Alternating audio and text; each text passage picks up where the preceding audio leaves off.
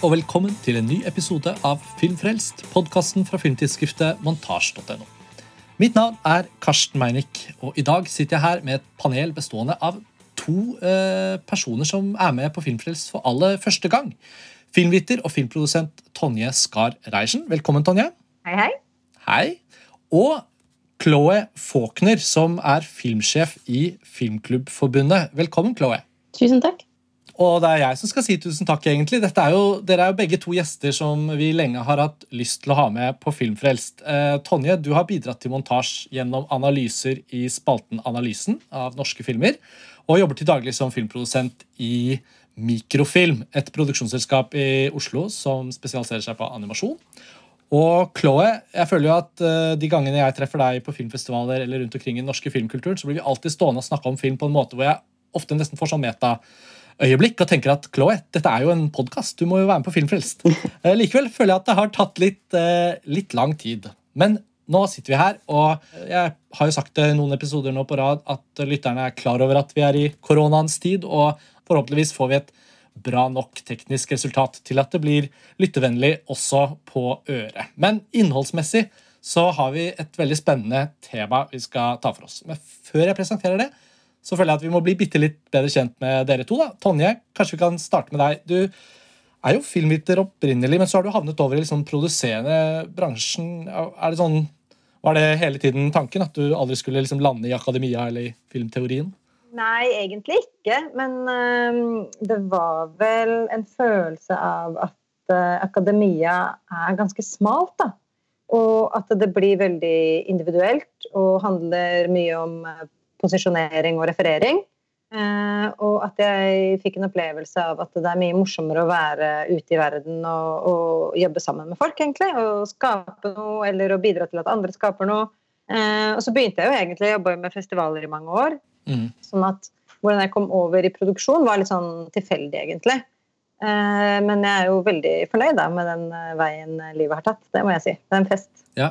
Um, Chloé, du er jo opprinnelig fra Frankrike og flyttet til Norge for ca. ti år siden.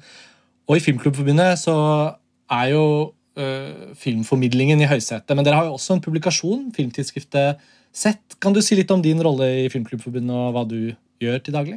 Jo, jeg sitter på Filmens hus i Oslo og hjelper filmklubber rundt i det hele landet å skaffe rettigheter til de filmene som de viser. Og, det, jeg har sånn daglig kontakt med måte, filmentusiaster og ildsjeler rundt omkring. Og er også ansvarlig for en katalog med filmer som vi disponerer. Da, som vi, vi Altså, vår jobb er å legge til rette for at uh, folk der ute kan vise de filmene som de har lyst til å vise i filmklubben sin. Mm. Og uh, utover det så uh, skriver jeg også for Sett filmtidsskrift. det er et filmblad som kommer ut fire ganger i året. På papir, da, som er veldig gøy, med sånn fysisk format. Og neste nummer det kan jeg røpe skal handle om apokalypse. Og vi lover at uh, det er noe som uh, vi uh, på en måte har jobbet med i flere måneder nå, siden høsten 2019, da vi hadde et seminar om apokalypsefilm på Vegas-scene for filmklubbfolk. Så det blir gøy. Det kommer tekster om zombiefilm, om nyliberalisme, om climate fiction osv.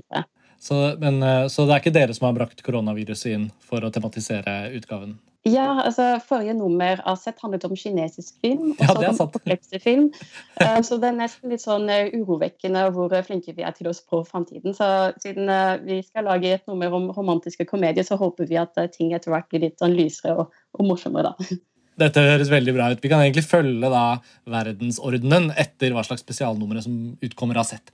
Men hvis eh, lyttere til Filmfrelst ikke er klar over eh, dette tidsskriftet, så er det jo en glimrende anledning nå etter at Chloé presenterte det, til å gå inn på setnet.com og både lese tekster som ligger ute som er netteksklusiver, og se nærmere på hvilke numre som eksisterer av sett, og hva som kommer. Så kan man abonnere. og sånn. Så da, liten eh, reklame der til våre venner i Filmklubbforbundet.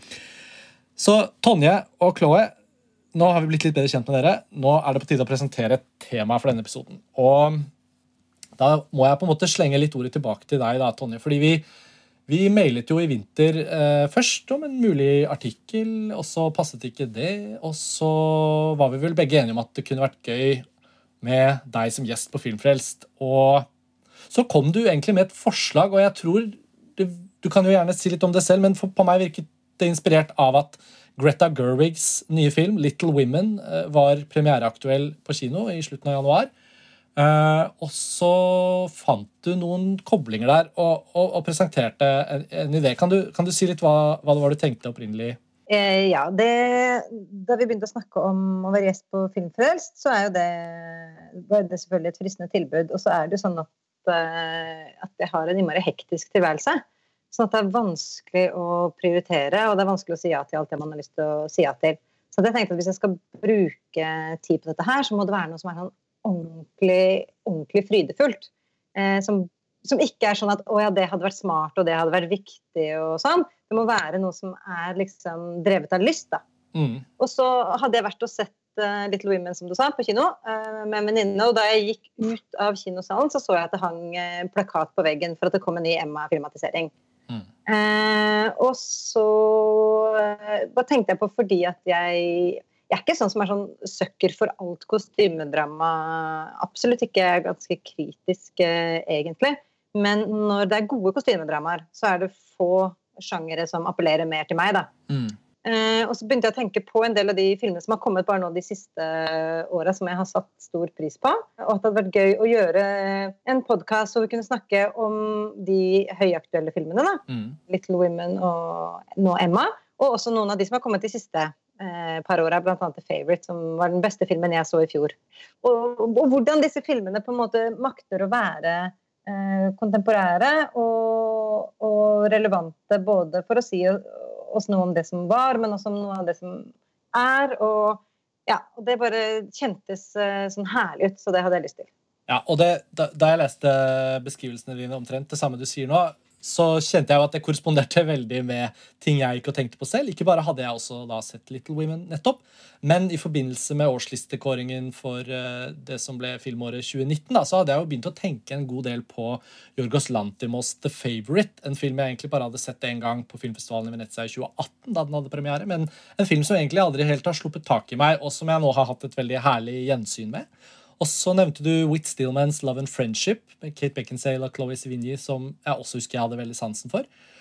Og med Celine Skiammas portrett av en kvinne i flammer friskt i minnet. Og det var bare noen uker etter at jeg hadde hatt gleden av å intervjue Skiamma i Oslo. Så, så bare matchet ideen din veldig med, med et ønske jeg også har hatt om at man oftere på denne podkasten kan snakke om et litt mer sånn overhengende tematikk, og ikke bare gå inn på enkeltfilmer, men også snakke om hvordan enkeltfilmer eh, kan smitte litt sånn over på hverandre i vår bevissthet eh, når man ser mye film og tenker på hvordan de møtes. Så. kostymedramasjangeren er jo selvfølgelig da eh, en bra hook, fordi det er, eh, har jo blitt en sjanger. Det er jo også et begrep, men det er jo også en, et, et, Det er jo ladet med en del fordommer, og, og, og nå må jeg jo få trekke inn deg, Chloé, fordi på Sett sin blogg så har du skrevet en vidunderlig tekst om Little Women. og Den ble publisert 30.1, så dette skjedde jo da også hos deg før vi hadde trukket deg inn som gjest, og det passet seg sånn at vi alle kunne møtes, så, så har jo du også tenkt på noen av disse tingene. Og jeg syns det var så fint å lese teksten din om igjen nå for noen dager siden, og har notert meg en inngang til teksten som jeg syns det blir jo litt et spørsmål til deg òg nå. da. Eh, du skriver at du ikke hadde hatt noe særlig forhold til originalromanen Little Women eller de tidligere filmatiseringene. Og så skriver du jeg har vært litt avventende til selve historien. Eh, amerikansk borgerkrig? spørsmålstegn. Og så nøkkelsetningen hatter og kjoler, privilegerte folk og pene nabogutter. Det hø hele høres stivt og gammeldags ut. Ja, eh, jeg har eh, tenkt litt på det også i forbindelse med forberedelsen til denne podkasten. Eh, hvorfor får jeg piggene ut, rett og slett, når på en måte de tingene er ute og på en måte, til en film signaliserer med kostymer. Jeg tror kanskje at det kan ha noe å gjøre med en sånn slags opplevelse i oppveksten av sånn slags arketypisk eh, historisk drama. Uh, som uh, kanskje som er ofte, men ikke nødvendigvis et sånn TV-drama. Uh, hvis ikke det er et TV-drama, så vises den ofte på TV da, på dagtid. Uh, det er sånne minner knyttet til barndommen. Altså, de filmene man har sett med moren sin, kanskje, uh, som innebærer en høy dose romantikk, som byr på spektakulære kostymer og kulisser. Og, men ofte da i kombinasjon med litt sånn anakronistiske frisyrer. Altså, til å være spektakulære i, sitt, i sine kostymer og sånn, så er det ofte litt lite spennende foto. da, Mye sånn interiørscener og shot reverse shot. Uh, og en annen ting, altså, altså, Dette er da igjen en slags sånn idealtyp som jeg prøvde å sånn formalisere, formalisere for meg, da, som kanskje ikke nødvendigvis tilsvarer en sånn enkeltfilm, men en sånn konstellasjon med filmer og serier. At um, De kan ofte fremstå som litt sånn velmenende eller moraliserende. da. Um, jeg har et inntrykk at ofte så um, bruker sånn historisk drama, eller periodedrama, skal jeg kalle det, eh, fortiden for å peke mot en sånn urett i nåtiden. Da. Eh, og dermed blir karakterene i filmen kanskje ikke rollefigurer, eh, men heller sånne arketyper for, eh, som representerer ulike tendenser og ideer. Altså den kommunistiske agitatøren, den reaksjonære presten osv. Um, så det er kanskje også det der litt sånn ja, søtaktige sånn romantikken også, som på en måte er litt sånn en sånn klisjé da, som jeg har i hodet når jeg sånn, Eh, kommer i møte med en sånn film. Men så poenget er jo at eh, det, eh, selv om det var en film altså litt, For å komme tilbake til Little Women, da, som i høyeste grad da hadde en del kjoler og pene gutter og romantikk, så var det likevel en film som føltes så frisk og moderne da, i Greta Gerwins ånd. Så, og det var det som jeg syns var så interessant og spennende med dem, og liksom gøy å kunne snakke om nå. Vi, vi kommer jo til å nå kanskje naturlig å starte både med Little Women og Emma. Men, men Tonje, dette er jo også noe av det Chloé sier, er jo veldig relatert til en del av det du beskrev som spennende å gå inn i. Nettopp ja. på en måte i hermetegn det moderne kostymedramaet. Eller ja. mellom denne gammeldagse oppfatningen og den litt mer forfriskede innfallsvinkelen som mange av disse filmskaperne vi nå skal snakke litt nærmere om, har faktisk gjort. Men jeg er litt sånn usikker egentlig på sannhetsgestalten i det også. For jeg lurer litt på om om det du beskriver, Chloé, er mer en fordom enn en realitet også. Fordi mm. at jeg mener at helt fra filmhistoriens begynnelse så har du hatt eh, veldig, veldig gode eh, kostymedramaer som er alt annet enn romantiske og sentimentale. Eh, og jeg tenker at noe av det som eh, appellerer veldig til meg med den sjangeren, eh, de gode filmene innen den sjangeren, det er jo at sant, eh, når du skal lage en, en filmfortelling så er hindringer er en veldig effektiv, et effektivt dramaturgisk grep. ikke sant? At det er noe man må overkomme. Og I kostymedrama så handler det veldig ofte om hvordan konvensjonene begrenser frihetene til karakterene, eh, både kvinner og menn. Eh, om hvordan karakterene så på en måte må manøvrere i disse konvensjonene for å skape seg et handlingsrom. Da. Og Det er noe som de ofte straffes for, men ikke nødvendigvis. Eh, og Det er noe av det som appellerer til meg ofte, at vi ser hvordan eh, kløktige damer slipper unna fordi at de mestrer spillets regler. Og at det er en kompetanse som er veldig besnærende. da. Og at det også er ofte forbundet med mye vittighet. ikke sant? At det er veldig slagkraftige replikker og skarpe observasjoner. Eh, samtidig som man jo vet at i virkeligheten så var det sånn at de fleste klarte ikke å komme seg ut av eh, disse stramme rammene, og det kunne få ganske fatale konsekvenser. Så Det er på en måte ansett som en sentimental romantisk sjanger, men ofte så tenker jeg at, uh, at det handler mer om å spille spillet. da. Mm. Og hvis du ser på f.eks. Jane Austen, uh, og henne både som forfatter og også på en måte filmatiseringene av henne, uh, av hennes bøker, så er jo hun en sånn totalt nådeløs observatør. og det er jo bare så herlig, syns jeg. og det tenker jeg at du ser allerede. ikke sant? Det ser du jo i 'Tatt av vinden' f.eks. også. ikke sant? Mm. Mm. Chloé, du har nok nødvendigvis sett en del flere for eksempel, av de franske kostymedramaene enn oss. Det vil jo alltid være en forskjell mellom gode og dårlige filmatiseringer eller kloke eller overfladiske filmskapere som i større eller mindre grad gjør en skikkelig behandling av tematikk innad i denne sjangeren. Altså, det er jo litt av det du også beskriver, Tonje. Som tatt av vinden, eller hvis man trekker La oss ta noen av de mest berømte eh, såkalte kostymedramaene eller periodefilmene. da. Barry Linden kommer jo fort opp. Eh, Martin Scorseses uh, Age of Innocence. Ja, Dangerous Liaisons. Ja, altså, det er ganske mange eksempler på store, berømte filmhistoriske klassikere som uh, både er berømte fordi de er veldig bra, men også er berømte fordi de lykkes med å være blant de beste filmene som forsøker seg på det de gjør. da. Og 'Tatt av vinden' er jo et eksempel som oppfyller mye annet. Den er jo også til dels en krigsfilm på en måte, et melodrama. Så her, her vil jo alltid sjangere blande seg. Men, men Chloé, føler du at når det først kommer bra filmer i denne typen, denne kategorien, så blir de jo ofte veldig bra. Mm. Det er som om liksom, Hvis du lykkes i denne sjangeren, så lykkes du med 10% mer enn, enn hva en kontemporær film eh, gjør. Jo, eh, jeg lurer på om kanskje noe av eh, den fordommen som vi muligens kan ha mot historiske drama, at det ofte er basert på litterære forelegg. Og i hvert fall jeg som kommer fra Frankrike og på en måte innenfor den franske autørtradisjonen, så er det på en måte en sånn innebygd skepsis mot det å er det altså, litterær uh, film. Da, sånne uh, film som heller enn å altså, basere seg på autørens egen uh, så, geni og kraft og altså, nyskaping, på en måte heller mm. bare basere seg på liksom, resirkulere et manus, og gjerne kanskje innenfor liksom, en viss sånn kanskje sånn begrenset kulturell, ramme da, som prøver å fremheve sånn, nasjonale verdier osv. Um, men når det er sagt, så er det helt klart at uh, det er jo veldig mye spennende film som er basert på, uh, på romaner og litterære forelegg. Og det er nettopp kanskje i den overgangen fra litteratur til film at man finner noen av de mest interessante filmene altså, som nettopp makter å benytte seg av uh, altså, filmmediets eget språk da, for å fortelle mm. noe, noe, interessant.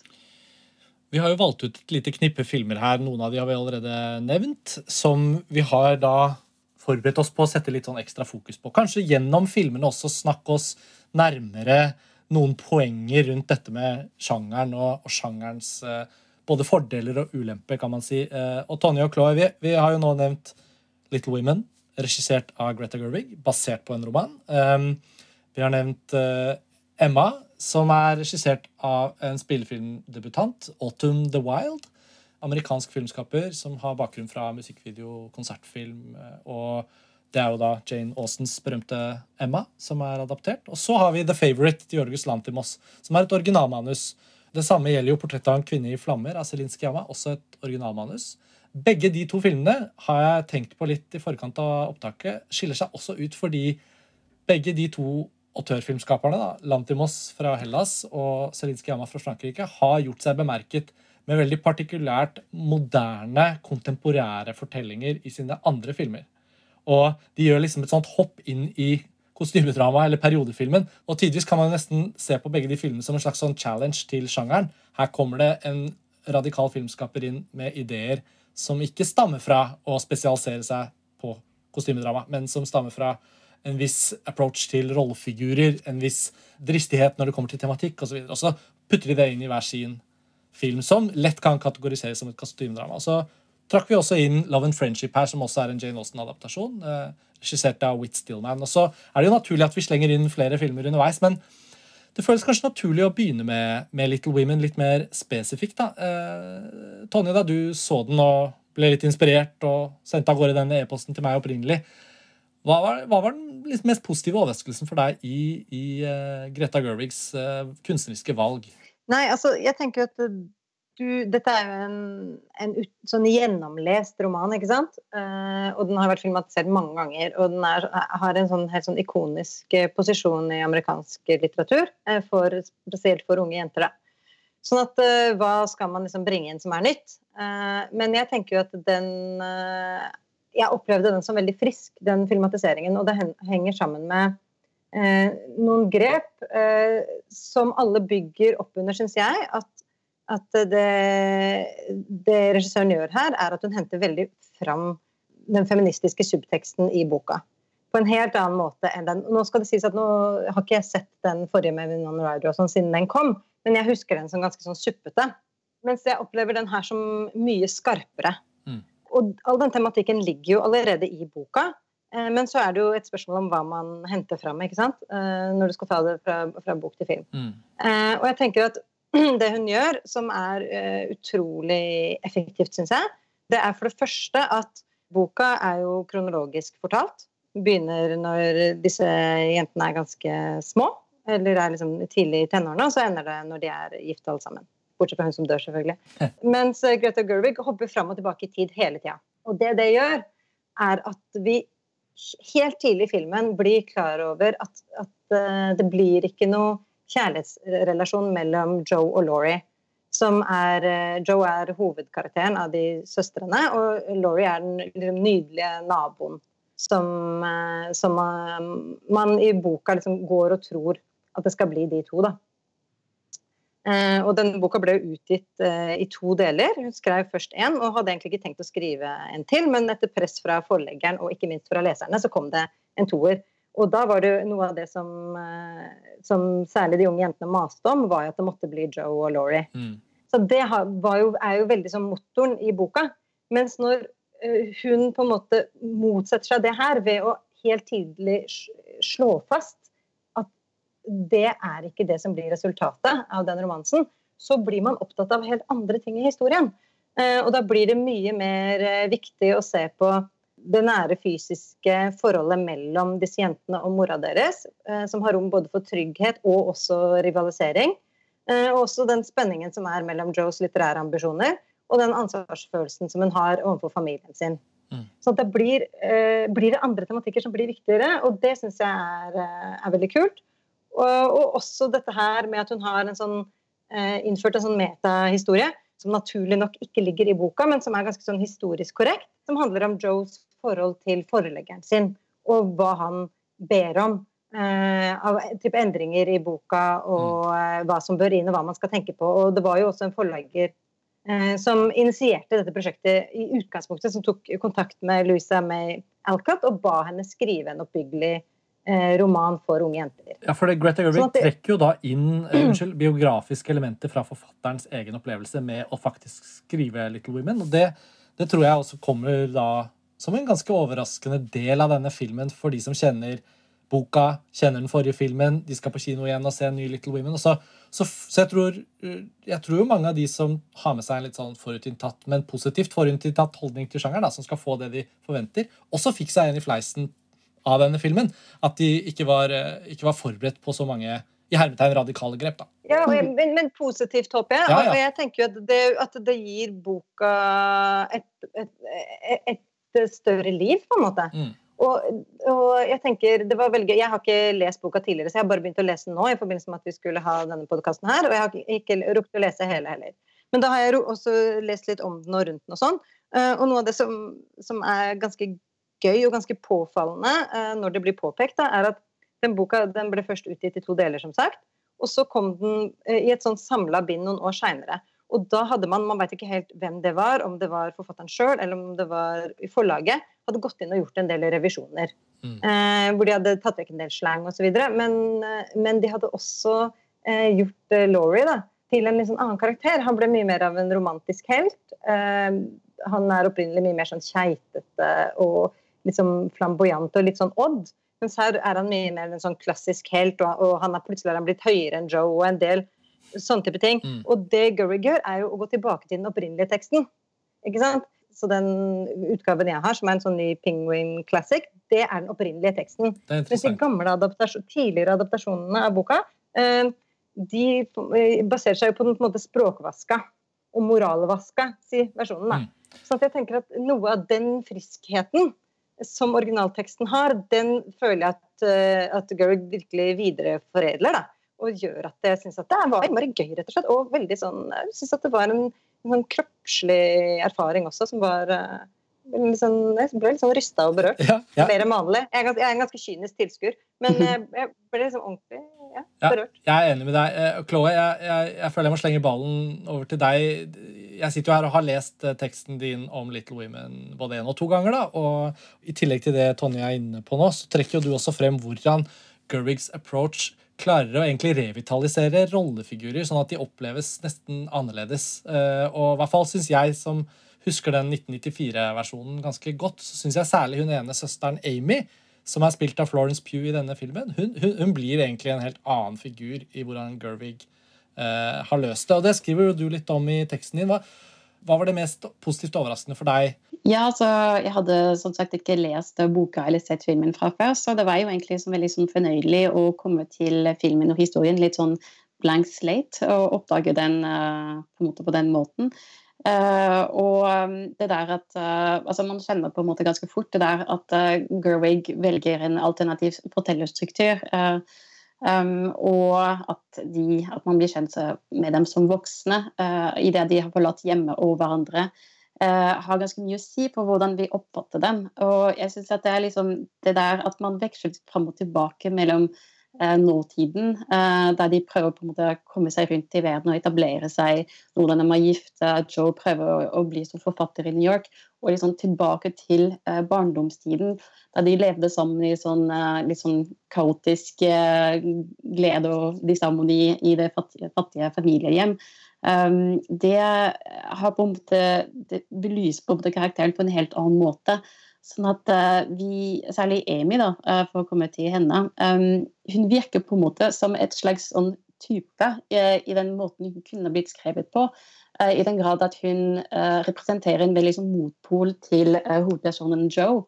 Amy er da hun er liksom barnslig, litt grinete, impulsiv og bortskjemt som barn. Og uh, idet vi ser henne som voksne, så lærer vi henne å kjenne idet hun er i ferd med å gifte seg inn Eh, i en sånn rik familie. Så det kunne på en måte kunne vært altså, motpoler til Joes uh, mer individualistiske og hardt arbeidende um, type. Men uh, det at, altså, at, vi først blir kjent med henne som voksen, hvor hun faktisk er moten og liksom forklare sin situasjon overfor Laurie mm. og sier sånn jo, men jeg er nødt til å gifte meg inn i en sånn rik familie, fordi sånn er de samfunnsstrukturene uh, som bestemmer over meg. Uh, hun har på en måte liksom, litt sånn uh, kald, fornuftig liksom, forståelse for hvordan hun står som kvinne i det samfunnet som hun lever i. Og, um, og på en måte klare å argumentere godt for seg selv. Og um, det er ikke minst også gjennom Florence Pughs rolleprestasjon. Jeg syns hun er helt fantastisk i den filmen. Mm. At Da blir hun på en måte en mye mer sånn kompleks og interessant figur. da. Mm. Um, at vi ser henne vokse da, fra å være sånn umoden og tenåring til å bli mer sånn fullendt og reflektert. Vi uh, hadde jo allerede kommet til enighet noenlunde om å lage denne podkasten da, da koronakrisen traff. og noe av det siste vi rakk å avtale, Chloé, var at du skulle gå på pressevisning og se den nye adaptasjonen av Emma, sånn at vi kunne få med oss den inn i podkasten, fordi det var den mest aktuelle kostymedramafilmen. Men så har jo alle kinoene blitt stengt. Men så kastet studioet Universal seg rundt og slapp Emma rett på klikkefilm. Så den er jo nå egentlig mega-hyperaktuell. Og Little Women kommer jo ikke på hjemmevideo før om noen måneder. men men Emma er en av disse andre filmene vi har kunnet trekke inn i denne tematikken. og Den matcher jo veldig opp, syns jeg. Eh, men den har vi ikke egentlig begynt å snakke noe særlig om. Jeg vet ikke engang hva dere, hva dere syns om den. Ja, så Vi kan jo starte å trekke den inn i episoden. Uh, Chloé, hva, hva syns du om den nye Emma-filmen? Ja, um, Emma det, Den er interessant. Uh, altså, film er så veldig sånn visuell, sånn, på en måte sånn sukkertøy av en film. Uh, veldig mye sånn overdådig pastellfargede dekorer og kulisser. Um, sånn, en del um, altså, Nesten litt sånn pastisjaktig tilnærming til uh, liksom Osten-filmatisering, sånn hvis man kan kalle det uh, for noe. Jeg, syns det var interessant i den grad den presenterer Emma som en usympatisk uh, heltinne, som er på en måte fanget i en sånn slags sånn overklasseverden. Mm. Hun er arrogant og smålig og um, elsker den makten hun har over andre mennesker, og, og bruker den stort sett til sin egen underholdning. Så at man, man aner sånn eh, gjennom altså det var sånn tilnærming til stoffet at det er en vilje med å på en måte bryte kanskje med noen av de konvensjonene eh, innenfor sånn historisk drama som vi har nevnt tidligere. da. Eh, at det er sånn en form for stilistisk overdrivelse eh, som tyder på en form for uh, selvbevissthet og liksom pastisj. Ikke minst kanskje den altså overdrivelsen. Da. Um, jeg tror at det peker mot en viss kritikk da, mot den fascinasjonen som historisk drama har for høy sosial status og rikdom. Da. Mm. Men uh, altså, i syvende og sist så må jeg si at jeg kanskje var litt skuffet over filmen. Um, I den grad at det er jo fortsatt en Boston-filmatisering. og og det er jo på en måte nydelig det, innenfor den, eh, måte, de rammene som filmen gir seg selv. Eh, men det handler i syvende og sist om at uh, rollefigurene skal finne den rette å forelske seg i, og på en måte ende opp med den rette til slutt. Så det er klassisk sånn Jane Austen, og det er nydelig, det, men det er kanskje ikke sånn veldig nyskapende, da. Ja, for den har jo, den har jo veldig sånn Ikke-realistisk er kanskje feil ord, men det du beskriver, det var jo det mest påfallende ved filmen etter at jeg hadde sett noen minutter på den. Den veldig pastellfargede, formmessige mm. insisteringen på uh, at vi skulle oppleve filmen uh, dekorativt, på en måte, også. Men det som ligger så sterkt i Emma, og som eh, også er relevant for litt women, for så vidt og vet ikke hva du tenker om det, Tonje, men ekteskapet som en institusjon er jo hele tiden oppe til debatt.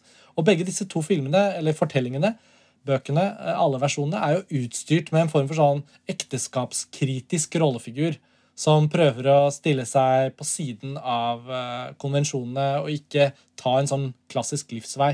Mens i Emma så er det, jo, er det jo det at hun inntar en sånn Kirsten Giftekniv-aktig uh, Hun skal liksom spille spillet litt mer enn å delta selv. Hva var ditt forhold til Emma-boken fra før av, Tonje, og de andre filmene? Sånn, sånn. Hvor sto du før du så denne? Jeg uh, er jo glad i Austen, og Emma er ikke en av mine favoritter. Eh, fordi at den er, liksom, den er fra helt sånn slutten av forfatterskapet hennes. Det er vel den siste romanen hun skrev som ble utgitt mens hun fortsatt levde.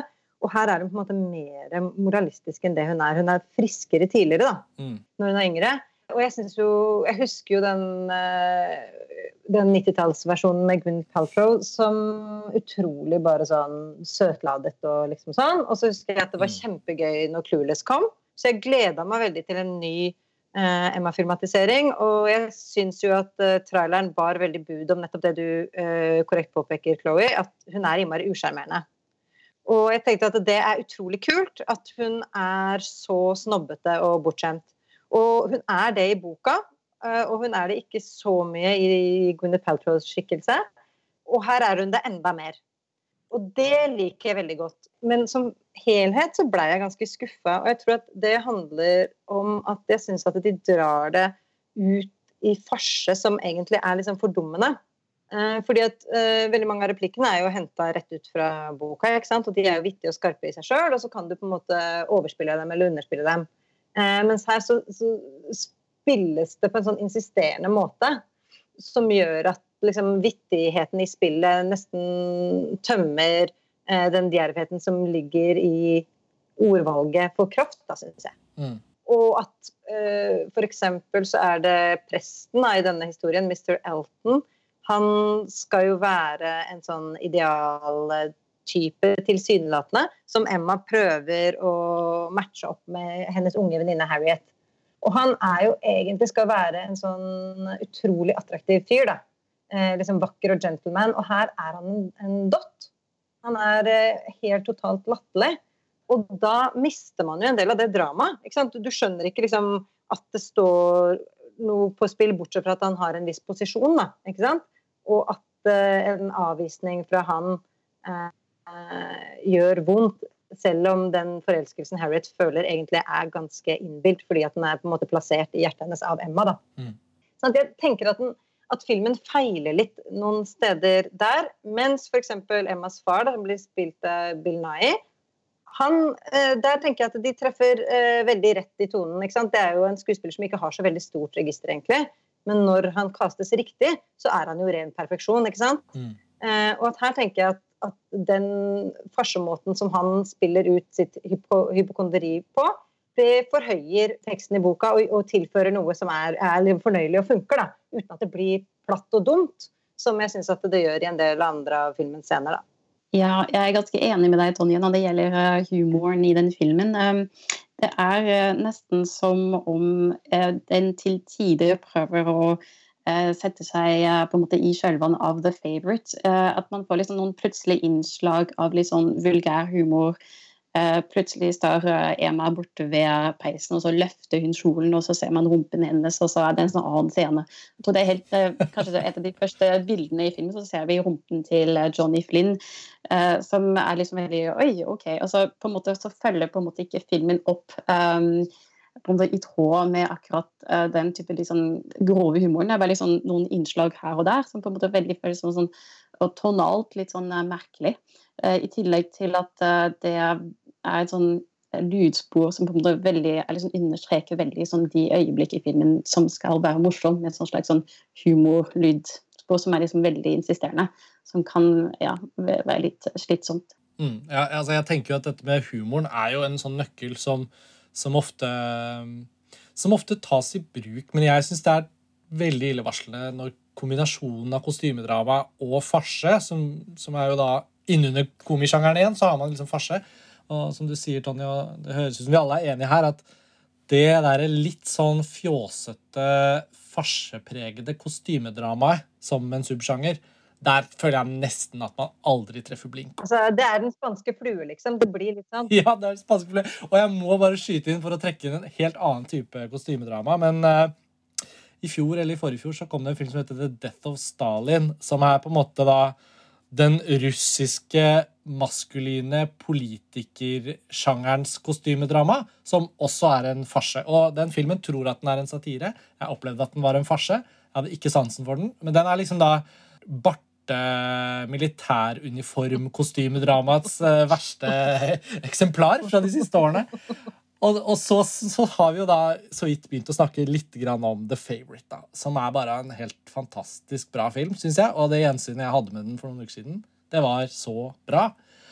Og Jeg var med å snakke om den filmen eh, da vi dekket den fra filmfestivalen i Venezia. Og jeg har ikke hørt på den episoden om igjen, og det kan hende jeg sa ting da som jeg ikke er enig med nå. Men uh, den klarer jo å kombinere så mye av det vi snakker om her. Den føles veldig moderne. Den føles per, altså Periodedetaljmessig føles den ekstremt korrekt og detaljrik. Og når den kommer til et humoristisk element, så treffer den liksom en sånn bitende satire med en ganske sår, eh, liksom karakterdrevet dramatikk.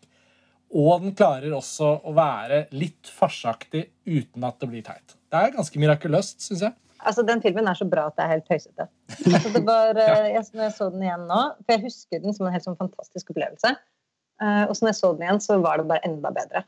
Det er helt vanvittig. Og det er sånn Det skal nesten ikke være mulig å kombinere så mye som den gjør, og komme unna med det. Mm. Det tenker jeg, for først, Som du sier, så er den jo utrolig sånn treffsikker humoristisk. og det eh, manuset er så godt, og de er så velskrevne, de replikkene, at, eh, at, det er bare å bøye seg i støvet. Mm. Men samtidig så er den også så brutalt kroppslig, da. Eh, jeg tenker at det handler så mye om eh, sånn kvinnelige erfaringer som er så jævlige. Eh, og jeg tenker at i kostymedrama så er, har du ofte eh, en sånn kroppslig undertone i det at du har liksom et sånt begjær som vibrerer under krinolinet. Men her så har du liksom Og det har du i aller høyeste grad her òg, men her er jo på en måte det begjæret Det er jo ikke det er mer sånn desperat, egentlig. Det er ikke noe livsbejaende i det begjæret i det hele tatt. Nei, det er blekmørkt. Ja, ja, virkelig. Og i tillegg så har du på en måte forråtnelse og gikt, og du har eh, Queen Anne, ikke sant, som har gjennomgått 17 mislykkede graviditeter. ikke sant? Eh, mm. Og kroppen hennes er bare helt herpa av det. Eh, og du ser hvordan denne Abigail-versjonen Eh, nei, personen ikke sant? virkelig eh, legemliggjør dette her, hvordan kvinner av lavere byrd er helt sånn fritt vilt. Altså, De kan voldtas og bankes opp, og de har ingenting de skulle eh, si i det hele tatt. Og jeg bare Det at du har alle de der jævlige tingene sammen med en sånn lett tone og en sånn derre eh, farsaktig avkledning av, eh, av aristokratiets eh, dekadanse, og så har du det politiske spillet og krigen mellom Frankrike og, og, England. Og du skulle på en måte Og så har de liksom, appåtil liksom sånn lesberomanser inni der. og det skulle ikke være mulig på en måte å pakke alt dette inn i en film og få det til å, å spille, eh, men det gjør det. Og det, det, tenker jeg handler om at det manuset er så eh, bearbeida, liksom. Eh, at Ja. Også, og, virkelig. Jeg bare, bare skyte inn kort. Nå har jeg allerede sagt litt, men jeg må bare si da kort før vi slipper Emma helt, så, så syns jeg jo da begge filmene på papiret prøver å bruke liksom foto Altså hele den visuelle estetikken dras liksom i en klar retning som gjør at man legger veldig merke til fotoet. Det er veldig sånn Se her hva vi har gjort. Eh, og i Emma så sitter man igjen med en litt sånn tapetaktig følelse. Og det er en god fotograf, han Christoffer Blauwelt, som har filmet filmene til Kelly Reichardt og The Bling Ring av Sofia Coppola. Kjempebra fotograf. Mens det Robbie Ryan får til i The Favourite, det, påkaller seg veldig oppmerksomhet, det de gjør med linsebruken og sånn. Men det er en fantastisk symbiose mellom det visuelle valget og hvordan det er med å understreke f.eks. humor i disse montasjene, når de slipper disse gjessene fri. Eh, dans og alt sånt. Der, helt sånn der over, overdådig aristokratisk livsstil som skildres i sånne sekvenser hvor foto får veldig mye plass. Og så er det denne linsebruken som, som gir en sånn romfølelse. Kammer innenfor kammer, Abigail som skal opp, opp bokstavelig talt opp trappetrinnene, opp klassetrinnene. Det er det er gjengitt helt sånn perfekt i bildebruken. Og da føler jeg liksom at The Favourite nærmer seg jo snart å kunne kategoriseres som en litt sånn perfekt film. Da, hvor alle valgene snakker samme språk. på en måte. Sorry, Zoe Chloé, eh, du var på vei til å si noe. Ja, nei, det, det, er så mye å si om den filmen. Eh, altså, bare i forhold til den estetikken som du beskrev nå, altså bruken av disse veldig overdrevne litt sånn vidvinkellinser og objektiver. Eh, som understreker ikke bare sånn det, absurde, men eh, på en måte uhyggen eh, i, i, denne verden. Da, som liksom, hvordan rommet blir liksom dratt ut. Da, og liksom, at det, det, skaper på en måte sånn, det der følelsen av liksom ylmende trussel. Da, den er knyttet opp mot den brutaliteten i denne verden som beskrives. hvor ja, som du sier, Tonje, man kan bli sånn voldtatt og banket opp over en lav sko. Um, men um, det jeg syns var interessant uh, å nevne om The Favourite i forbindelse med vårt uh, tema i dag, det med, med historiske dramaer, at uh, altså, selv, altså, sjangeren befinner seg i en sånn slags spenning da, mellom uh, sannhetskrav, altså at det skal være litt sånn tro mot den perioden den beskriver, og liksom tidsriktige kostymer og kulisser og dekorer på den ene siden, og kunstnerisk eh, bearbeidelse på den andre siden. Hva man ønsker å gjøre eh, med eh, den historien man forteller, og de grepene man, man tar, strategier. Og så Det fins forskjellige måter å på en måte navigere den spenningen. Da. Og, og, En av grunnene til at Greta Gerwig film, sin film føles frisk, at den er kanskje mer sånn realistisk. at Den på en måte er litt sånn tett opp mot epoken. Den føles på en måte pustende og levende. Um, mens uh, The Favourite uh, den er mer sånn surrealistisk. da. Den, uh, og Det er liksom på en måte, det er kjempegøy at den klarer å gjøre det. Den introduserer alle disse på en måte absurde tablåer med sånn altså kappeløp med ender. altså eh, anakronistiske elementer i, i den, altså, den, typiske ballscenen som på en måte oppstår i hvert eneste historisk drama. Det er alltid en ballscene. Men herregud, så utrolig gøy det var å se den eh, dansescenen i den filmen her, da de begynner å, å ta sånne ja, eh, sånne dansetrinn så, som er utrolig teite, da, på en måte. Eh, altså et sånn absurd opp-ned-verden eh, der hoffets menn da, de, jo, de, går rundt i sminker og parykker og høye hæl. Og Eh, de på en måte surrer litt rundt, mens eh, mektige og snarrådige kvinner altså, de driver da med sine intriger og på en måte avgjør landets eh, skjebner.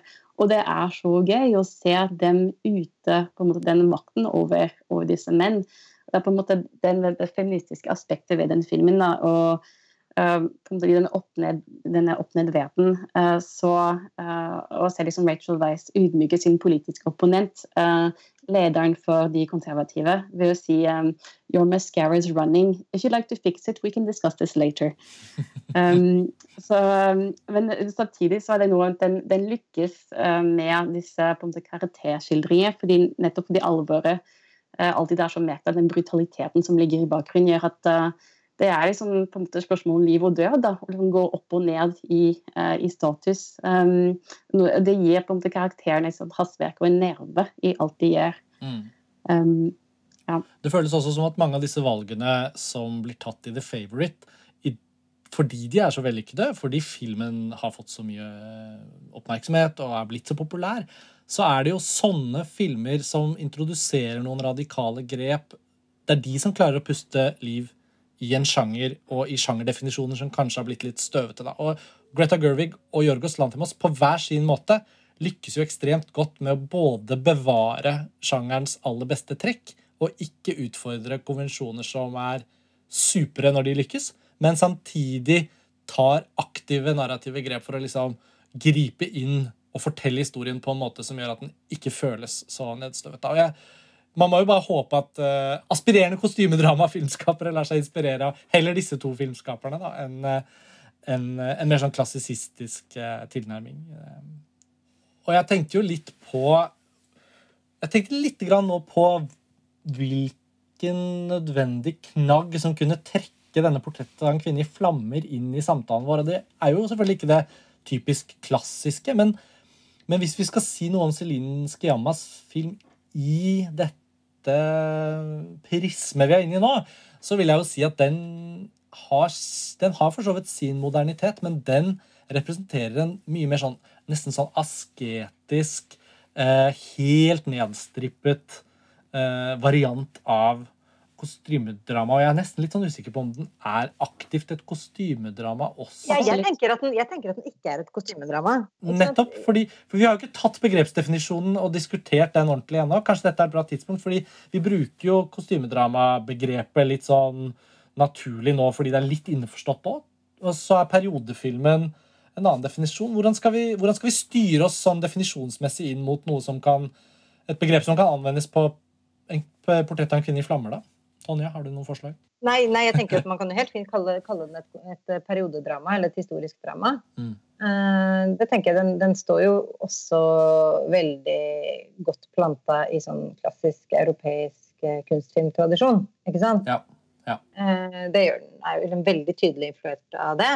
Men jeg tenker jo at Ehm, at et kostymedrama er også et, periodisk, eh, et periodedrama, men et periodedrama er en videre definisjon, da vil jeg si. Vi har i forbindelse med at vi skulle ha den podkasten her, så har jeg prøvd å, å, å se litt på, på, teori og sånn. Jeg har ikke egentlig funnet noen gode eh, definisjoner av, av uh, verken kostymedrama eller periodedrama eller noe som på en måte trekker opp skillet mellom dem. Men jeg tenker Jeg er også lett, men heller ikke funnet. Nei, men, men det jeg tenker, er jo eh, Du nevnte jo ball, uh, Chloé. Og jeg tenker at for meg, da, hvis det skal være et kostymedrama, så må det være et ball. det må være en dansescene. Eh, det må være noen helt sånn over the top kostymer som er sånn utrolig upraktiske og, og bringer litt sånn og gjerne ha scener som bringer oppmerksomheten til hvor upraktisk bekledningen er. Og så må det være renkespill eh, og intrigemakerier.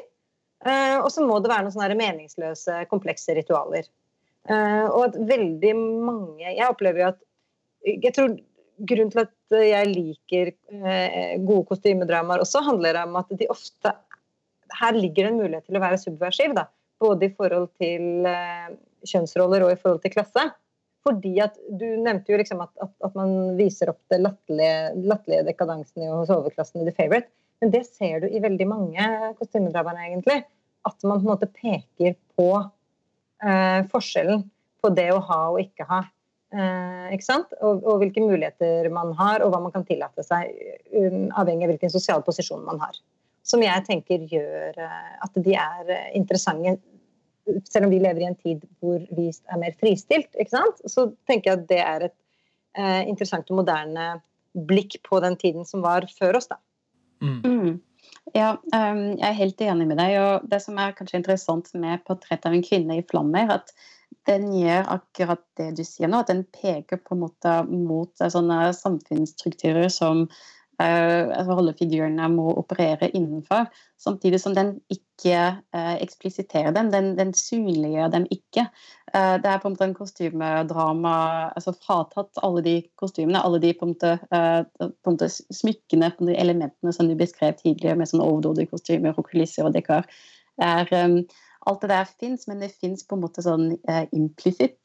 Uh, vi, vi, på en måte vet at uh, de to kvinnene Eh, må forholde seg til et samfunn som eh, ikke aksepterer at de kan ha et yrke, de, altså, som krever at de må gifte seg, og ikke akseptere altså, kjærlighet mellom, mellom kvinner. Altså, men det blir liksom aldri på en måte gjort eksplisitt. Og det, det syns jeg egentlig kanskje eh, gjør filmen sterkere og, og mer interessant. Vi, vi, er jo Den er jo som du sa, Karsten, altså veldig sånn nedstripet, altså esketisk, sa du. Mm.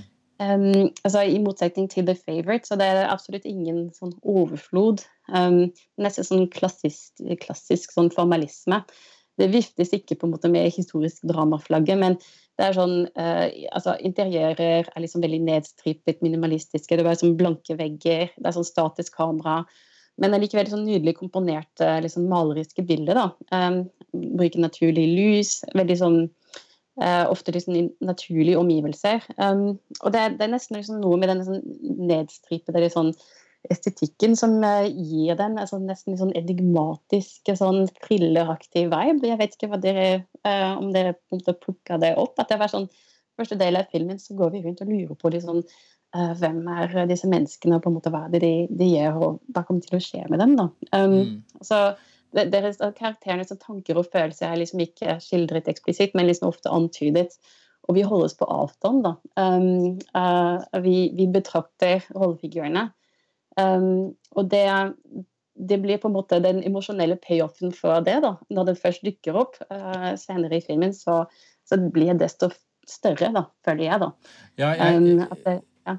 Ja, sorry. Bare for å kime inn. Eh, du, jeg er veldig enig med mye av det du sier.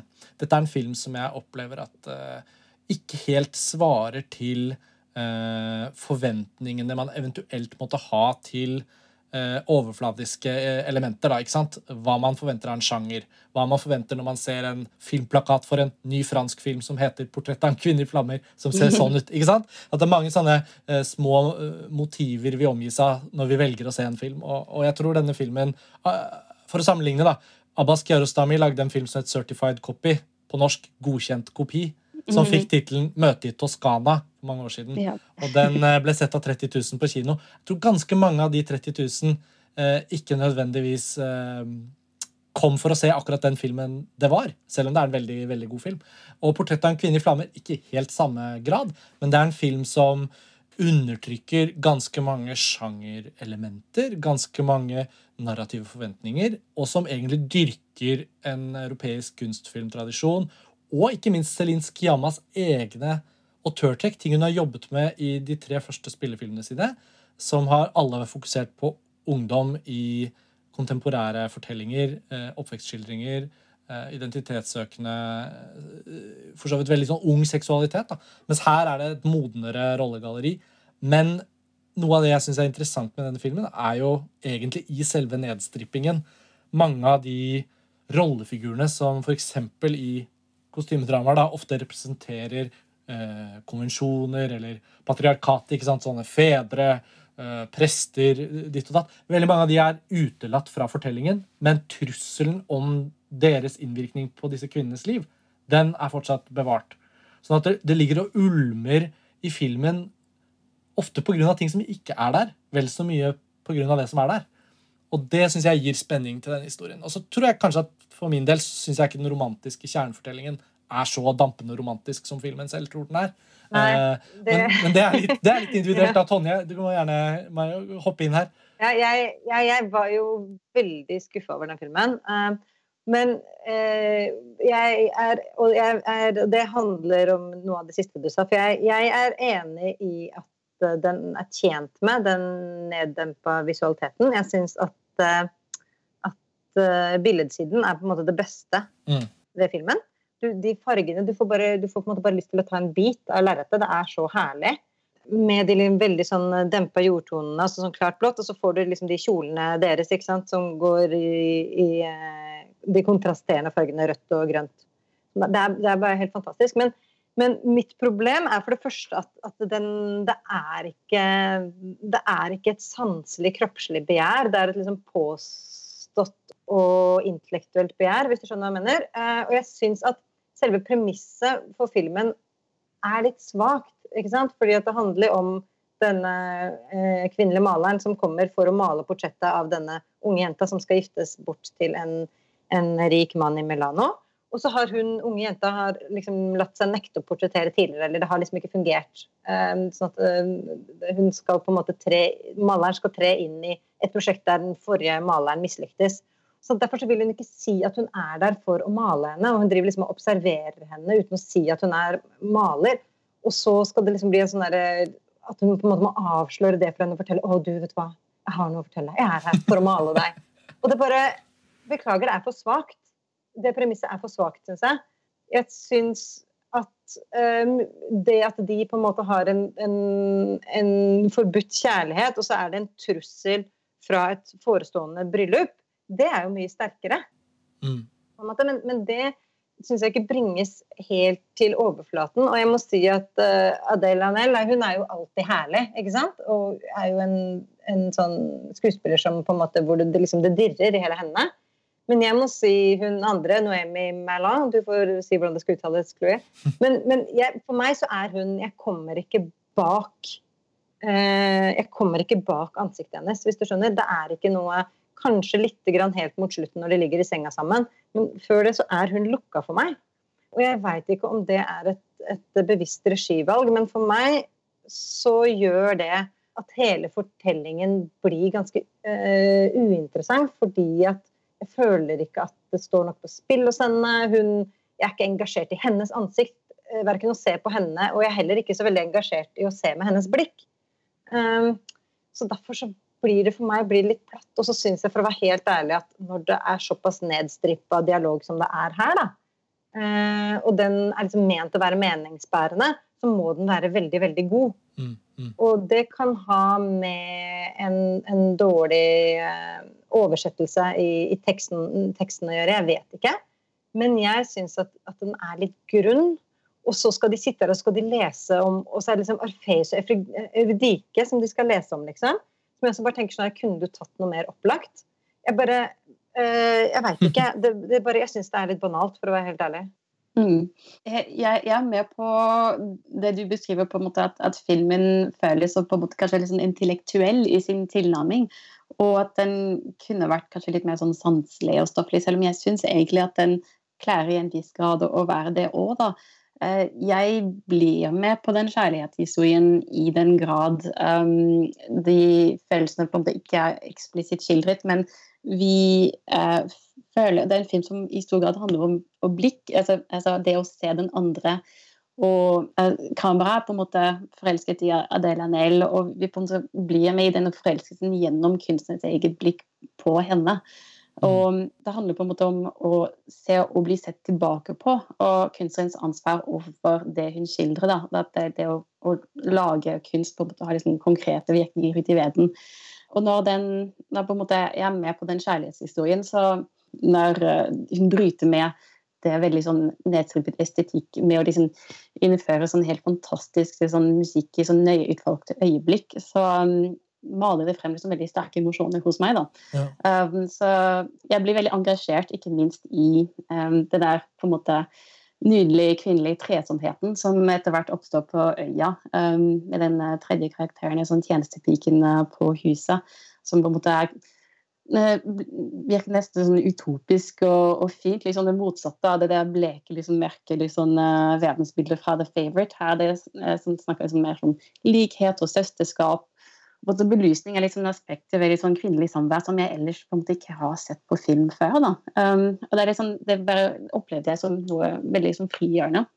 Jeg tror jeg lander jo litt nærmere Chloés oppfatning av filmen, kjenner jeg, fordi jeg, på tross av at jeg ikke identifiserer meg eller føler så mye for den romantiske kjernefortellingen, så, og, og, dette kan være litt påvirket av at jeg gjorde et intervju med Skiamma, da, men jeg opplever jo at filmen er det mest selvrefleksive hun har laget om det å se, det å liksom se på den andre, og det å nødvendigvis tro at man kan gjenskape et bilde av noen og fange dem, eh, og at egentlig er kanskje filmen vel så opptatt av nettopp da den litt sånn kunstnerisk-intellektuelle refleksjonen mer enn den dampende erotiske For det, det, føler jeg kanskje filmen aldri helt prøver å skildre heller. Jeg er litt, jeg er litt usikker. Litt, det hadde egentlig vært interessant å høre hva hun sier om det sjøl. Om, om, hun opplever den som dampende eller ikke. Altså, eh, Vi har intervju med henne i podkasten fra fra romjulen, men jeg tror faktisk dessverre at hun, hun sa flere av de litt interessante tingene da vi varmet opp. Fordi jeg hadde ikke skrudd på opptakeren, og så prøvde jeg å si hei og hopp og hvem er du, og jeg har sett alle filmene dine og sånn. Og så, og så kom vi inn på noen av disse tingene som handler med hvorfor du har laget denne typen film nå. Og så etter hvert kom vi til intervju, da. Men uh, Nå husker jo ikke jeg ordrett hva hun sier, men hun sa ganske mye spennende om visualiteten, altså valg, bildespråk, og uh, kampen for å ikke ende opp i et sånn skudd-motskudd-premiss. Så hun ble ganske sånn filmteknisk, da. Ja, men, og, det, og der, er det jo, der tenker jeg at der er filmen helt briljant. Ja, for hun, jo, hun nærmer seg å bli en ganske sånn virtuos visuell filmskaper. Uh, hun har kanskje blitt litt misforstått som en sånn typisk skeiv filmskaper, og at det er det hun holder på med. Det ligger jo der også. Men hun har jo virkelig muskulatur på, på en form for sånn utforsking av filmspråkets muligheter, som jeg håper hun kommer til å fortsette med. da. Det er bare for å få sagt det. Ja. Eh, ja. Nei, jeg tenker at uh, det forholdet til Skemas film, og hva man tenker om den filmen, er i bunn og grunn koker ned til et spørsmål om, om smak. For det er, er, ikke et spørsmål om, om filmens visuelle kvaliteter. Jeg syns som sagt at manuset er litt enkelt. men men jeg tenker at det handler om, om, hva som får hjertet ditt til å banke litt. Da. Mm. For meg så blir den Jeg er egentlig veldig glad i, i sånn type intellektuell film som, som, som problematiserer eh, en del av de tingene som dere har diskutert nå, med blikk og sånn. Men for meg så blir ikke det fullendt nok til at det blir interessant i seg sjøl. Og da vil jeg heller at kjærlighetsintrigen eh, skal uh, ruske litt mer i meg da, enn en det jeg opplever at denne filmen mm. Vi snakket jo innledningsvis i episoden om at vi hadde enda en film på blokka som ikke vi helt har nevnt. Nå nærmer vi oss slutten av vår tilmålte tid, så da tenkte jeg kanskje vi, vi skulle se om det fantes noen fine spor i Whit Stillmans Love and Friendship som vi kunne trekke inn her i, i, i lys av alt vi nå er inne på. For det er jo en annen Jane Austen-adaptasjon enn Emma. En ganske annerledes en. Og Whit Stillman som filmskaper er jo også en, en type uh, Han er jo veldig virtuos, dialogdrevet filmskaper som nesten alltid finner et sånn perfekt visuelt tempo og, og, og, tonefall til å matche de filmene han lager. Jeg syns jo den 'Damsels in Distress', blant annet med Greta Gerwig i en av rollene, var uh, veldig bra. Og så er det et par av hans tidligere filmer jeg ikke har sett, men vet at det er veldig bra. Så han er en filmskaper som interesserer meg. Men jeg husker jeg tenkte at hva er det han kan ha gjort med kostymedrama? Det skal bli interessant å se. Og så kom Love and Friendship, en film jeg husker jeg likte veldig godt. Eh, Tonje, du trakk også inn den i din opprinnelige idé til episoden. Ja, og det var nettopp også, som jeg sa innledningsvis, at jeg tenkte at dette måtte være lystbetont hvis jeg skulle ta meg tid til det. Og så tenkte jeg den har jeg kjempelyst til å se på nytt. Ja. Uh, og hadde lyst til å se den sammen med dattera mi også, så det gjorde vi. Eh, og det var like gøy som første gang, egentlig det. Den er jo litt sånn som du snakka om eh, tidligere, Chloé, at, at, man kan ha et eh, en innsigelse mot mye kostymedrama, at det kanskje ikke er så visuelt interessant. Og det gjelder jo denne filmen her. Ikke sant? Det er ikke, det er ikke billedsiden som forfører. det, er, det er skuespillerne, og det er manuset, egentlig. Eh, ikke kun, for det ligger ganske mye gøy eh, i, i, klipp og lyd, syns jeg. Men at selve foto er ganske sånn, opplever jeg. Eh, sånn skudd mot skudd. Men, men eh, det som jeg syns er så fantastisk med eh, den filmen, det er at du har en hovedperson som er så utsøkt, utspekulert. og dette her er, eh, det er eh, renkespill av eh, øverste klasse. Og det mest fascinerende, eh, syns jeg, er at hun Nå spoiler jeg her, da. Er at hun slipper unna med det. For Hovedpersonen her er jo da eh, Lady Susan, som hun heter. Og hun spiller jo alle opp mot hverandre til enhver tid. Hun er eh, enke men, eh, men, eh, tar seg elskere som hun eh, finner det for godt. Og det som er, er at hun, hun gjør seg jo skyldig i det største tabuet eh, du kan bryte som kvinne. Og det er at hun er en, rett og slett en dårlig mor. Og selv det slipper hun på en måte unna med. Eh, og det syns jeg er så herlig friskt. Sånn at jeg måtte gå tilbake. Jeg, hadde, jeg husker da jeg så filmen på kino første gang så så jeg at den sto at den var basert på en Jane Austen-roman som het Lady Susan. Så tenkte jeg det var veldig rart, for den har jeg aldri hørt om. Så gikk, sånn at nå I forkant nå så, så, leste jeg den, og det er jo ikke egentlig en roman. Er, den ble utgitt etter at hun var død også. Um, men det er en sånn La oss kalle det en kortroman. Den er, liksom, ja, den er under 100 sider. Og så er det skrevet i brevsform, så det er en brevroman og er, hun er like kynisk der. Og det tenker jeg også handler om at dette var noe av det første hun skrev. ikke sant? Jane Austen skrev den her da hun antageligvis eh, var 18 år. Sånn at hun legger ikke bånd på seg i det hele tatt. Mm. Uh, og det syns jeg virkelig at Whit Stillman uh, foredler. da. Og mm. du ser at han bare og, og, jeg er ikke så veldig glad i Kate Beckinsdale, men her er hun helt fantastisk, syns jeg. Og at han virkelig lar liksom denne utspekulerte kvinnen skinne da, med sitt vidd og kløktighet. Mm. Ja, så I motsetning til Emma, da, som blir nødt til å innse på en måte hennes egne begrensninger og litt fæle karakter. på en måte sånn Eh, blir eh, forsømt med seg selv til slutt, og sånt, så blir lady Susan Verden i Love and Friendship aldri på en måte straffet for den forferdelig utspekulerte atferden hennes. Da. som eh, manipulerer alle sine i sine omgivelser og til sin egen fordel. Og det er så, det er så veldig sånn fryd å se, da. Det er jo veldig gøy.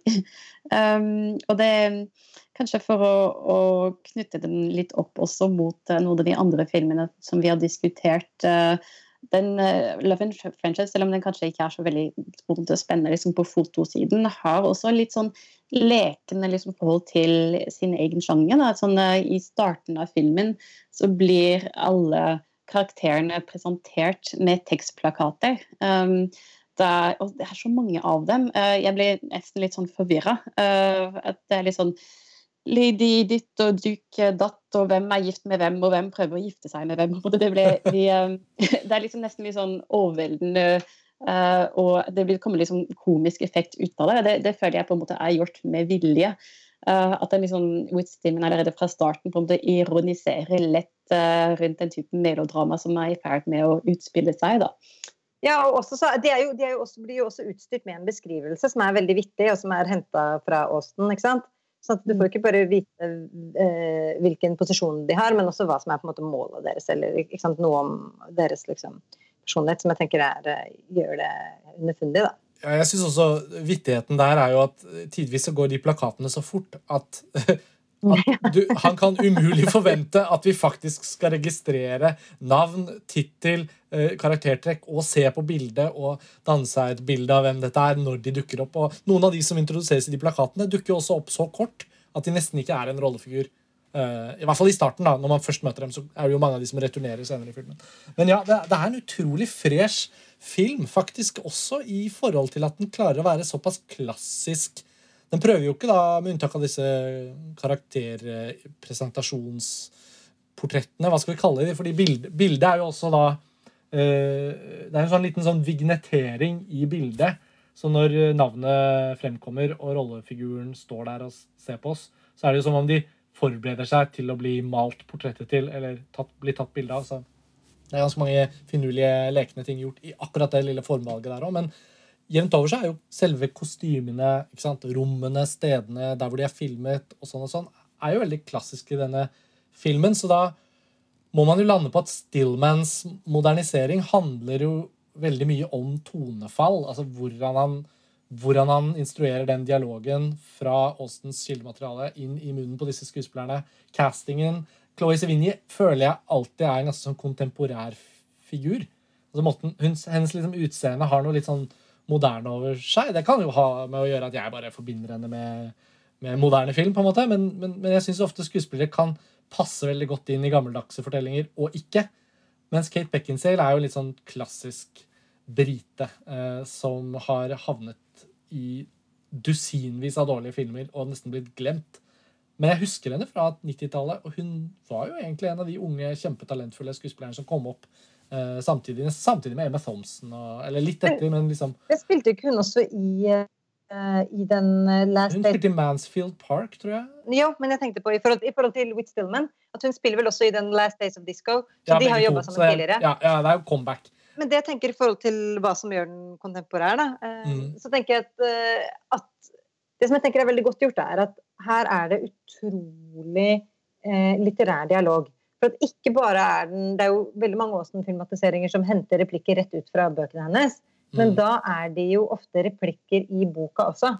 Mens her er jo boka eh, som sagt består jo bare av brev. Sånn at dermed så er, er eh, replikkene mm, eh, mm. enda mer eh, på en måte ordrike og, og, litt sånn tunge.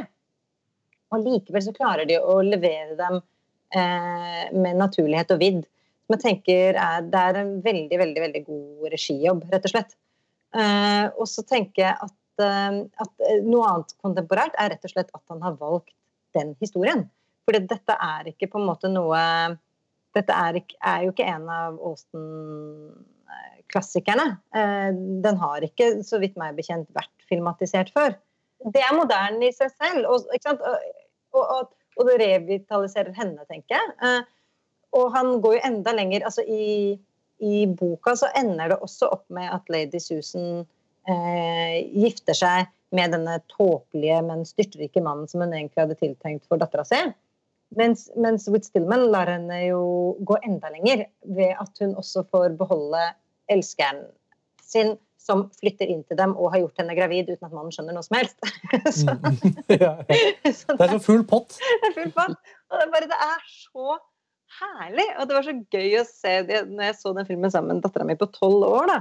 For hun har jo aldri Hun har jo sett veldig mye film alderen tatt i betraktning, men hun har jo aldri sett en så kynisk kvinnelig karakter. Nei. Som også på en måte slipper unna med det. Så hun satt liksom bare og måpte og tenkte sånn, er det, er det mulig, mamma? Går det an, liksom? Kan hun skal hun komme unna med dette her? Så ja, det gjør hun. Hun kommer unna. Det er herlig. Det er, ja, det er bra å uh, eksponere barna for uh, amoralske helter tidlig, uh, i, i, en tidlig alder. Har, har, hun sett Barry Linden, eller? Ja, nei, det har hun ikke. Det da er det neste på lista. neste på lista. Nei, nå har vi begynt på kostyme, men jeg tenker de jo, det er jo utrolig mange amoralske helter de er utsatt for gjennom hele liksom superheltsjangeren og alt det der. Mm. Så det er på tide at de, at de, får bli utsatt for litt sånn kvinnelist også. Høres ut som en eh, Det tenker jeg. Det, må, jeg kan ikke begynne for tidlig. Ja, så er det jo veldig oppmuntrende å få, å få, en sånn anbefaling på hva slags type film som kan funke for tolvåringer som ikke er fra den lista. Og den dølle sjangerinndelte, algoritmisk uttenkte anbefalingslisten på Netflix. Uh, hvis man blir sittende sånn i koronaens tid og lete etter innhold. Uh, 'Love and Friendship' er jo en film som gikk på kino for tre-fire år siden. Så det er jo den, den, eldste av de vi nå har trukket fram. Da. Men, uh, men jeg opplever at denne bunten av filmer som vi nå har snakket om, de er jo alle med på å illustrere noen av poengene vi, vi håpet å finne. Og, og jeg syns jo at premisset ditt, Tonje, står, står, støtt da, gjennom en diskusjon som dette. At kostymedramaet er eh, hvert fall når vi tar disse filmene under lupen, så er det jo en sjanger som eh, ser ut til å holde godt og tåle godt å bli modernisert. Og egentlig at selve moderniseringen virker jo å ha vært nødvendig for den sjangeren i alle år. I alle tiår. At den har eh, vært en, en, filmsjanger som alltid er der. For det vil være alltid masse litterære adaptasjoner. Det vil alltid være innganger til eh, til en tematikk som kanskje er moderne, gjennom, gjennom uh, periodedrama. Jeg hadde kanskje trodd at vi kom til å snakke bitte litt om Merchant Ivory-filmene i løpet av episoden, uh, så nå bare skyter jeg det inn mot slutten. At det er jo et sett med filmer som i hvert fall jeg husker fra, fra min sånn filmdannelsesperiode, da, som ganske spennende periodefilmer og kostymedramaer som uh, De er jo veldig ofte veldig gravalvorlige, da. Og, og, og ganske øh, Ikke kanskje sentimentale, men i hvert fall veldig sånn øh, romantiske med dypt alvor. Og, men mange av de har jeg altså hatt så sansen for og, hatt så stor glede av å se om igjen. Om det er da Remains of the Day eller Howard's End. og en, av, en av de filmene som jeg faktisk ennå ikke har sett, men som jeg har hatt på på visningslisten her hjemme hele våren. Nå tror jeg kanskje jeg skal legge den frem. Det er den Maurice med Hugh Grant, som også tar opp da en skeiv tematikk i eh, et sånt periode-kostymedramaperspektiv. På en måte som var ganske nytt og moderne eh, da den kom. Eh, det var vel på slutten av 80-tallet. Det hadde vært gøy å se de filmene mm. på nytt, for jeg så det jo da de kom. Og da husker jeg at det var eh, at det var en stor opplevelse. At jeg husker at jeg følte meg som voksen og klok. Ja, ja akkurat sånn. Når jeg så de filmene. ja, og jeg fikk sånn, der, sånn der boost. Sånn, og, jeg skjønte, og jeg skjønte på en måte de litterære referansene. Men jeg, jeg, er litt sånn usikker på om de på en måte har tålt og jeg tenkte, om de har tålt tidens tann eller ikke. Det er jeg litt øh, spent på. Og jeg må jo si at jeg personlig har en større affinitet for de kostymedramaene som er drevet av, av Vid. da. Ja. Uh, og, og om det er de vi snakket om nå, eller om det er Dangerous Liaisons eller Age of Innocence, eller ikke sant eh, Det syns jeg det får det til å på en måte eh, kile mer eh, hos meg. Men, men eh, ja, det hadde vært gøy å, å se dem på nytt og se om, om det, de er så kloke Ja, som jeg husker dem. følte i hvert fall at de måtte trekkes inn på et eller annet tidspunkt i episoden. Ikke kanskje for da sin humor eller vidd, men for et form for tematisk alvor som jeg syns alltid kom gjennom så sterkt i de filmene. Altså En veldig sånn sår form for melankoli og skildring av ensomhet. Klasse står ganske sentralt. eh, Så eh, ja. Nei, jeg ville bare ha det nevnt, eh, for nå, nå er vi jo Men, men jeg vil bare, det jeg skulle si helt avslutningsvis, som, jeg Mhm. var jo, som jeg bare ble liksom glad for, var jo at jeg så i går at det kommer en, en serie nå på HBO, som jeg lurer på om kommer i mai allerede, om Katarina den store. eh, Med Elle Fanning som Katarina. Og Ja. det er da eh, The Favourite har jo da to har jo da to eh, manusforfattere. For den, det manuset tok jo, jeg så jo det tok jo fra første draft til filmen var ferdig, tok det 20 år. ja, Såpass, Sånn ja. at det var først, først skrevet av en kvinne, som, og så prøvde de å finansiere den filmen veldig lenge, og så gikk ikke det. Og så var det, ikke sant, for at På den tida så var jo det å, det er tre kvinner, og det er ikke sterke nok menn, og det er lesbisk romanse, og det, det kommer aldri til å selge. Så ideen måtte vente på at at eh, samtiden tok den igjen, og så var det greit? Og så kom det greit. Og, da kom det inn en ny, en, en, en mannlig forfatter som, som uh, også uh, gikk over og, og polisha manuset, da. Mm. Og, og det er han, den mannlige forfatteren, som nå da er manusforfatteren på denne nye HBO-serien om Katarina den store. Mm. Eh, så da tenkte jeg at, eh, at det var grunn til å, å glede seg til meg, da. Ja, det, skal, det må man notere seg da som et eh, tips. Den har ikke jeg hørt om, men eh, det lages jo så mye serier og greier. Så det er jo vanskelig å holde, holde oversikten, og da må man plukke opp eh, tips her og der når de dukker opp. Elle Fanning, som i forrige episode snakket jo litt om hennes komiske talent da vi diskuterte Woody Allens nye film, 'Rainy Day in New York'. Så alltid åpen for nye ting fra henne. Chloé, har du noen bevingede siste ord her, nå som vi nærmer oss slutten?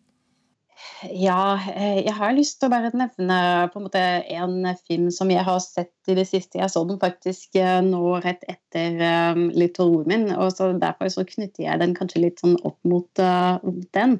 Selv om det på en måte ikke er strengt tatt et uh, kostymedrama, men den kan på en måte sies å være en så historisk film. Fordi den foregår på 80-tallet. Er, det- er det for nærme i tiden eller ikke? Det vet jeg ikke. Men uh, det er da Joanna Hoggs The Souvenir, um, som jeg tenkte bare liksom å, å, å nevne her. Liksom, det er litt sånn left field. Um, men det at den um, måte, altså Det er jo Joanna Hogg sin skildring av uh, en tid da hun var selv filmstudent på 80-tallet i London og bodde i en sånn Nightbridge-leilighet og hadde veldig sånn turbulent forhold til, um, uh, til en mann.